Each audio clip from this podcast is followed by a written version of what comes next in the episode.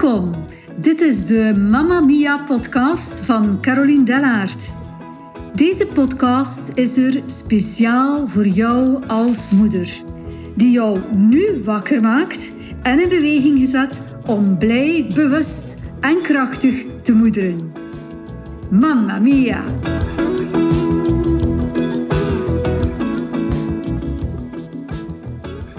Dit is de Mama Mia podcast, de eerste aflevering. Mijn naam is Caroline Dellaert en in deze eerste aflevering wil ik mij eerst graag aan jullie voorstellen. Ik ben vrouw, ik ben echtgenote van Filip, ik ben vierde moeder van vier volwassen kinderen, Klaas, Lisbeth, Helene en Lucas. En ik ben grootmoeder van Cas, waardoor jullie, dat jullie ook al een beetje mijn leeftijd kunnen raden. Ik leid ook mijn eigen onderneming, The Tree to Be. Dat is een praktijk voor oplossingsgerichte therapie, energetisch en systemische coaching voor ouders en kinderen. Een handse mond vol zou ik zeggen. Eerst en vooral wil ik met jou delen dat het moederen en het bewust ouderschap een rode draad is in mijn leven. Moederschap is voor mij eigenlijk één groot mysterie, omdat er in dat moederen zoveel bewust, maar ook heel veel onbewust wordt doorgegeven. Maar door zelf die weg te bewandelen eh, als moeder van vier kinderen en dat ik de verschillende facetten heb belicht, verschillende lagen heb doorlopen, wil ik nu eigenlijk dat thema met jullie delen vanuit een zekere, enerzijds een zekere lichtheid.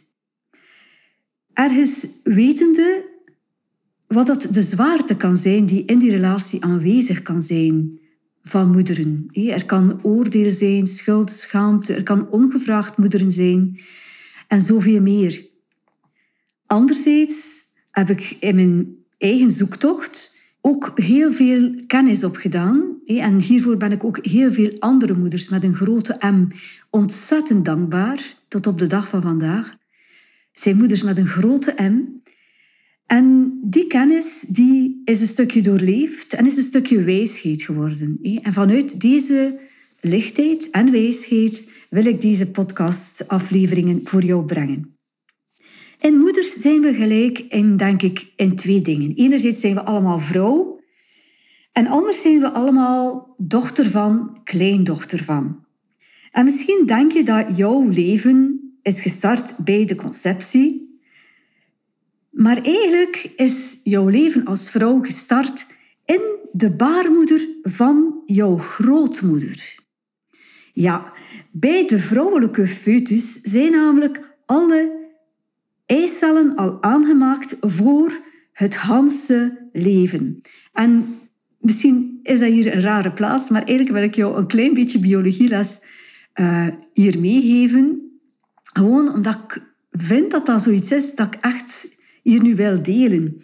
Dus bij jou als vrouwelijke foetus zijn eigenlijk alle eicellen al voor Hans jouw leven aanwezig. Dus bij jou in de eicellen van je moeder ben je dus al aanwezig. En dat zijn ongeveer 4 miljoen eicellen die daar gevormd worden als foetus. Bij de geboorte zijn er nog ongeveer een 3 miljoen over. Tegen de tijd dat je menstrueert zijn er nog ongeveer een 200.000. En als je dan weet dat er gemiddeld zo'n 500 cycli zijn waarin dat er een eicelletje kan uh, bevrucht worden, dan zijn er in feite ja, een 500 eicellen die kandidaat zijn om het te ontwikkelen. En ja, jij bent dus een van die 500 eicellen die aanwezig zijn in jouw moeder als foetus, in de baarmoeder van jouw grootmoeder. Dus als ik zeg dat moederschap een mysterie is, dan is dat ook echt wel een mysterie. En in elk van die eicellen zit er enerzijds heel veel potentieel. Er kan van alles uit geboren worden. Iets heel unieks.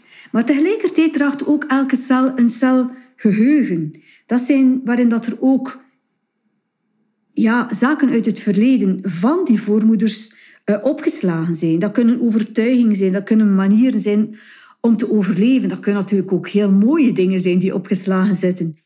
Maar we dragen zoveel onbewust mee als vrouw.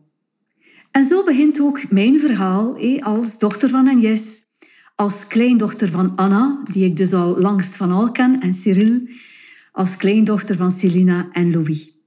En dan is er vervolgens de zwangerschap, waarin dat vruchtje ontwikkelt en waarin dat er ook heel veel dingen onbewust kunnen gebeuren die later nog van betekenis kunnen zijn. En hierbij wil ik een stukje het verhaal delen van mijn eigen mama. Mijn mama is geboren als een deel van een twee-eigen tweeling. Dat was wel in het jaar 1935 dat ze geboren is. En toen was er, de huisarts was de gynaecoloog, er was toen nog geen, waren nog geen echo's, uh, er was bitter of weinig onderzoek. En eigenlijk was het pas bij de geboorte dat eigenlijk mijn mama voor het eerst werd gezien. Eerst was er een kloeke, flinke zoon, die, altijd, die ook wel heel interessant was voor een, uh, een boerderij waarop dat er heel veel werk was. En toen kwam er, ah, er kwam nog iets achter, zo een klein kindje van anderhalve kilo. Het zag een beetje blauw. En ik hoor nog telkens mijn grootmoeder vertellen dat ze dacht van, ja, ik ga het nog een keer omdraaien en misschien komt het er wel door. En oké, ja, het kwam erdoor en dat was mijn moeder. Maar in die, negen maanden van zwangerschap is zij niet echt gehoord, gezien, gevoeld geweest. Tenzij wellicht door haar broer. En alleen al dit gegeven, vind ik, heeft heel veel invloed gehad op haar leven. En zelfs ook een stukje bij mij. Toen ik recent in een hele grote boekenwinkel rondliep, en je moet weten dat ik nu ook een eerste boek geschreven heb, ook Mamma Mia Bewustmoederen, dan dacht ik bij mezelf, maar Caroline, wie zit er nu op jouw boek te wachten? Is dat er nodig? Wie zit er hier nu echt op te wachten? En dat was een gedachte die onbewust kwam.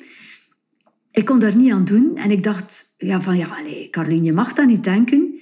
Maar als je dan weet van waar dat die gedachte eigenlijk allez, oorspronkelijk afkomstig is, dan kan je dat natuurlijk zijn plaatsje geven en relativeren. En dan word je geboren en zoals je weet in het leven van elk van ons zijn er gebeurtenissen die ook zorgen dat het leven van elk kind er verschillend uitziet. Er is ook het lot. Zelf ben ik geboren in een zelfstandig gezin waarbij mijn mama een kruidenierswinkel had, mijn mama en mijn papa een melkronde heeft opgebouwd. Ze hadden een succesvolle zaak. Mijn papa had wel diabetes 1 vanaf zijn 16 jaar. Hij deed zijn melkronde en als kind, toen ik klein was, dus ik denk zo tweede, derde leerjaar, ging ik al mee met mijn papa op ronde. En ik had zo een beurs rond mijn, schuin over mijn schouders hangen. Eh, misschien weet je nog of weet je niet hoe dat er dan dat uitzag. Maar dus ik ging mee op ronde. Enerzijds, waarom weet ik niet. Enerzijds misschien als hulp om papa het werk te verlichten.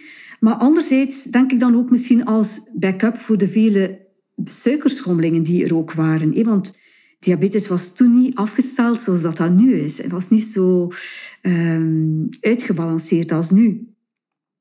Dus ik mag zeggen dat ik als kind zelf veel heb gewerkt dat ik dat mag vaststellen en dat ik relatief minder heb gespeeld dan andere kinderen. Anderzijds zat natuurlijk het handelsdrijven er al van jongs af in.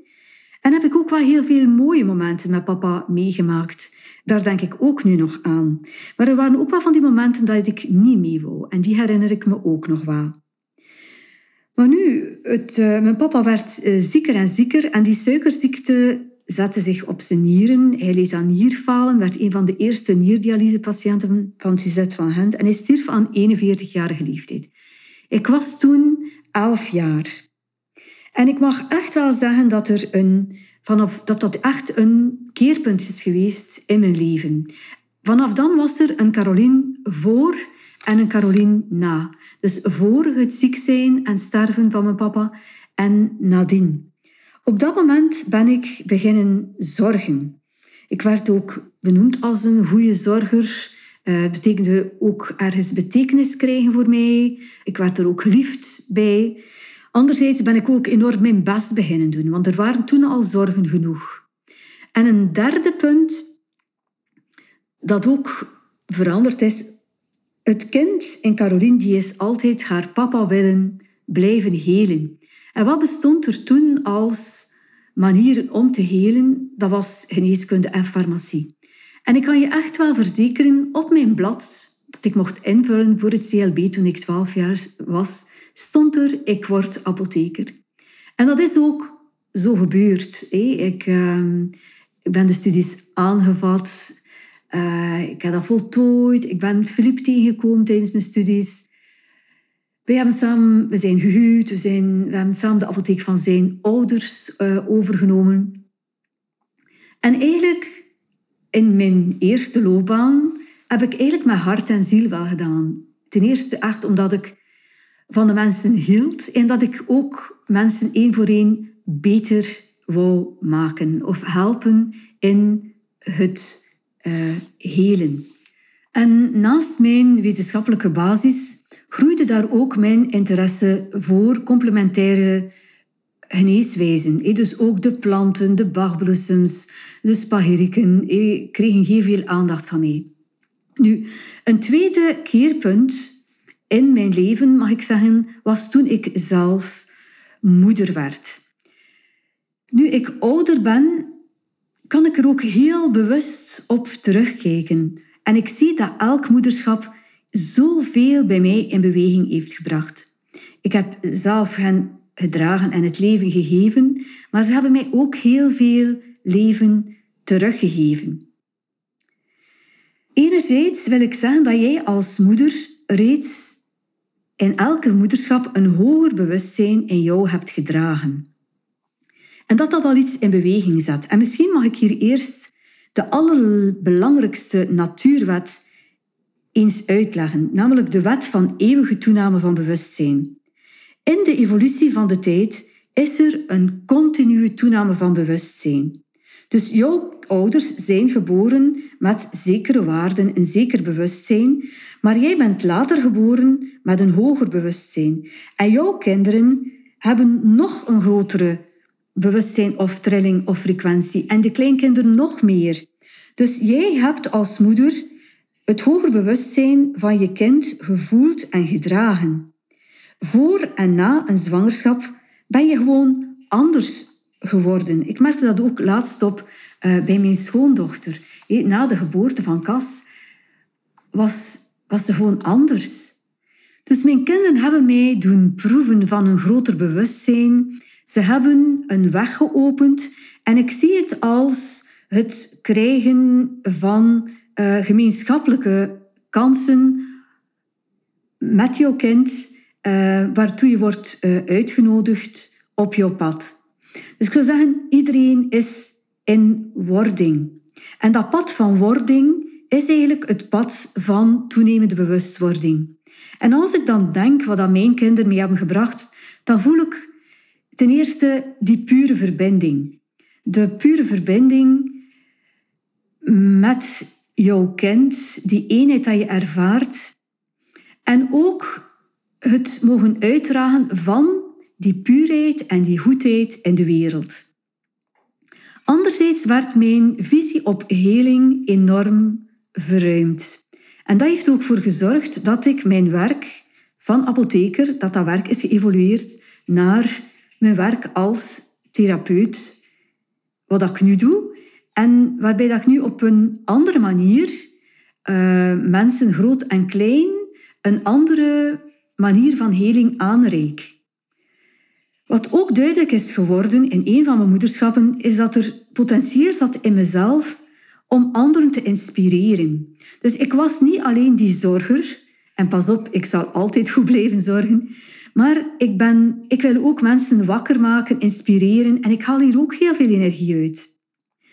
En een andere zwangerschap heeft mij dan ook gebracht, tot meer begrip gebracht vooral, van het anders zijn van de ander. Van elk is uniek en jij bent oké en jij bent anders en bent oké. Ik ben anders en ik ben oké. En dat is ook zoiets heel moois. Dus die weg van moederschap heeft mij persoonlijk heel veel gebracht. En misschien heeft ook jouw kind jou ook al iets in jou laten groeien. En ik ben nieuwsgierig ook wat dat bij jou kan zijn. En nu wil ik eigenlijk ook komen waarom ik nu eigenlijk die podcast voor jullie wil, jullie moeders wil opnemen. Ik heb al zoveel hetzelfde gezegd tegen moeders die in mijn praktijk komen. En ik dacht van, ja, nee, dat bewust moederschap, dat is gewoon voor iedereen. Ik wil jou als moeder ten eerste wakker maken. Want dat is eigenlijk wat er eerst moet gebeuren. Als je ergens niet van bewust bent van wat er zich voordoet, dan kan je ook niets veranderen. En dan blijf je gewoon meedraaien in gewoonten, blijf je ratjes lopen in dat molentje. Dus ten eerste wil ik ergens een, uh, een douche geven en jullie wakker maken. Ten tweede wil ik jullie helderheid geven. Helderheid geven van de vele struikelblokken die er zijn en die elke moeder gewoon tegenkomt. En waar, heb je, waar je moet leren overstappen. Het zijn ook die illusies dat jij, of denkbeelden dat je mee hebt van vroeger, dat je mag doorprikken. Vervolgens wil ik jou als moeder vooral ondersteunen. Er gewoon zijn voor jou, zodat jij er als expert van jouw kind kan blijven staan. Zodanig dat jij de maximale support kan geven aan jouw kind in deze nieuwe tijd. Jij bent als moeder ook medeschepper van een nieuwe samenleving. De waarden die jij zal doorgeven, die zullen later in onze samenleving in de toekomst die waarvan dat jouw kind, uh, ja, die jouw kinderen zijn de toekomst, dan zullen die waarden ook geleefd worden in onze nieuwe samenleving. Ook wat dat jij nu loslaat, dat hoeft later niet meer geleefd te worden. En ten laatste wil ik jou als vrouw vooral ook aanmoedigen om jouw eigen leven te scheppen. Jij bent schepper van een van de mooiste creaturen op aarde en dat zijn jouw kinderen maar je mag ook jouw eigen leven creëren. En dan zal jouw omgeving rondom jou voelen, mamma mia. Je zal hierin de anderen raken. En ik wil nogmaals herhalen dat bewust moederen is er voor iedereen. En iedereen kan die mamma mia worden op elk moment in zijn, in zijn, in haar leven. En deze podcast is één kanaal, waarin ik heel veel moeders wens te bereiken. Anderzijds is er ook het boek Mamma Mia Bewust Moederen voor jou. Voor zij die minder graag luisteren of minder auditief zijn. En hiernaast is er ook nog een negen maand traject Mother Classes. Die je samen met andere moeders kan gaan om te evolueren naar de betere versie van jezelf. Eenmaal word je geboren bij jouw biologische moeder en eenmaal word je geboren bij jezelf. Bij interesse kan jij jouw naam achterlaten hieronder bij de podcast. In een eerste reeks van zeven podcastafleveringen wil ik het vooral hebben over die illusies. Nu, illusies dat zijn ballonnen. Dat zie ik als ballonnen die opgeblazen zijn denkbeelden die ontstaan zijn in de tijd dat je klein was. Die ballonnen werden opgeblazen door jouw vader, door jouw moeder. Enerzijds zoals ze het misschien gezien hebben bij hun eigen vader en moeder. Anderzijds ook een stuk op hun eigen manier, naar gelang wat er in hun leven gebeurd is. En die ballonnen zijn opgelaten en blijven bij jou opgelaten. Terwijl het eigenlijk geen juiste beelden zijn van de realiteit. Het zijn beelden, denkbeelden die eigenlijk nu niet meer dienen, die van nut zijn geweest, maar nu niet meer. Maar ze kunnen wel nog heel veel invloed hebben op jouw leven nu. Ze kunnen je misschien nog verlammen. Ze kunnen je misschien nog stress bezorgen als er iets gebeurt. Ze kunnen misschien ervoor zorgen dat je niet durft verder te kijken. Dus die ballonnen mag je nu één voor één doorprikken. Je hebt misschien altijd gedacht dat die ballonnen je juist omhoog hielden, maar de realiteit is anders. Eigenlijk zorgen die ballonnen ervoor dat je een stuk in vrijheid bent beperkt. De eerste illusie die ik nu in deze introductieaflevering dan ook wil doorprikken, dan is dat die illusie van zekerheid. Zoals ik al heb gezegd, jij bent in wording. En uit mijn verhaal, mijn persoonlijk verhaal dat ik nu heb gebracht, zal je wel gehoord hebben dat eigenlijk het leven een aaneenschakeling is van momenten om juist die zekerheid los te laten. Zelf merk ik ook op dat eigenlijk de enige constante in mijn leven verandering is. Het is elke dag een uitnodiging om gewoon om te gaan met wat er zich aandient. Om gewoon je best te doen met het bewustzijn dat je op dat moment hebt. En dat is oké. Het is een uitnodiging om elke dag opnieuw te scheppen en de kansen te nemen die er zijn. Elke dag is een oefening in acceptatie, in flexibiliteit, in creativiteit, in actie, in reflectie. En is dat gemakkelijk? Nee, niet altijd. En zijn er uitdagingen? Zeker en vast. En dat loslaten van die zekerheid, van die illusie, dat vraagt eigenlijk moed. Elke nieuwe ervaring waarin je die zekerheid een stukje kan loslaten, breng je ook in een nieuwe ervaring van flow. En eigenlijk kan je als mens alleen maar zeggen: ik ben alleen maar zeker van onzekerheid en ik ben alleen maar zeker van verandering. En elke dag is alles in wording. Ik hoop dat uh, u van deze eerste podcastaflevering genoten hebt. Voor mij was het in ieder geval zeker de meest uitdagende. In een volgende podcastaflevering wil ik het graag hebben over eigenliefde. En wil ik de illusie van zelfopoffering doorbreken. Als jij voor het eerst jouw kindje in je armen houdt, dan hoor je dat kind fluisteren: Zie mij graag. En de meeste mama's die stoppen hier met luisteren en ze geven zich onvoorwaardelijk. Maar ik wil hierbij ook nog zeggen dat je eigenlijk hebt nog verder te luisteren naar wat jouw kind je op dat moment influistert. Het kind zegt ook, en zie ook jezelf graag. Dus de volgende podcastaflevering zal gaan over moederliefde en eigenliefde.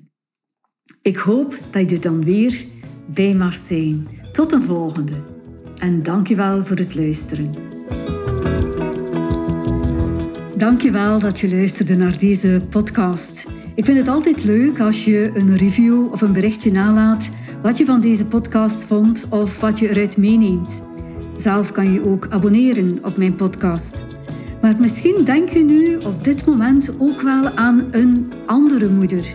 Zo van, ja, zij zou er eigenlijk ook wel heel veel deugd aan hebben om dit te horen. Wel, dan ben ik je nu al van harte dankbaar om dit met haar te delen, want Mamma Mia is er echt voor alle moeders. Bedankt om te luisteren en heel graag tot een volgende keer.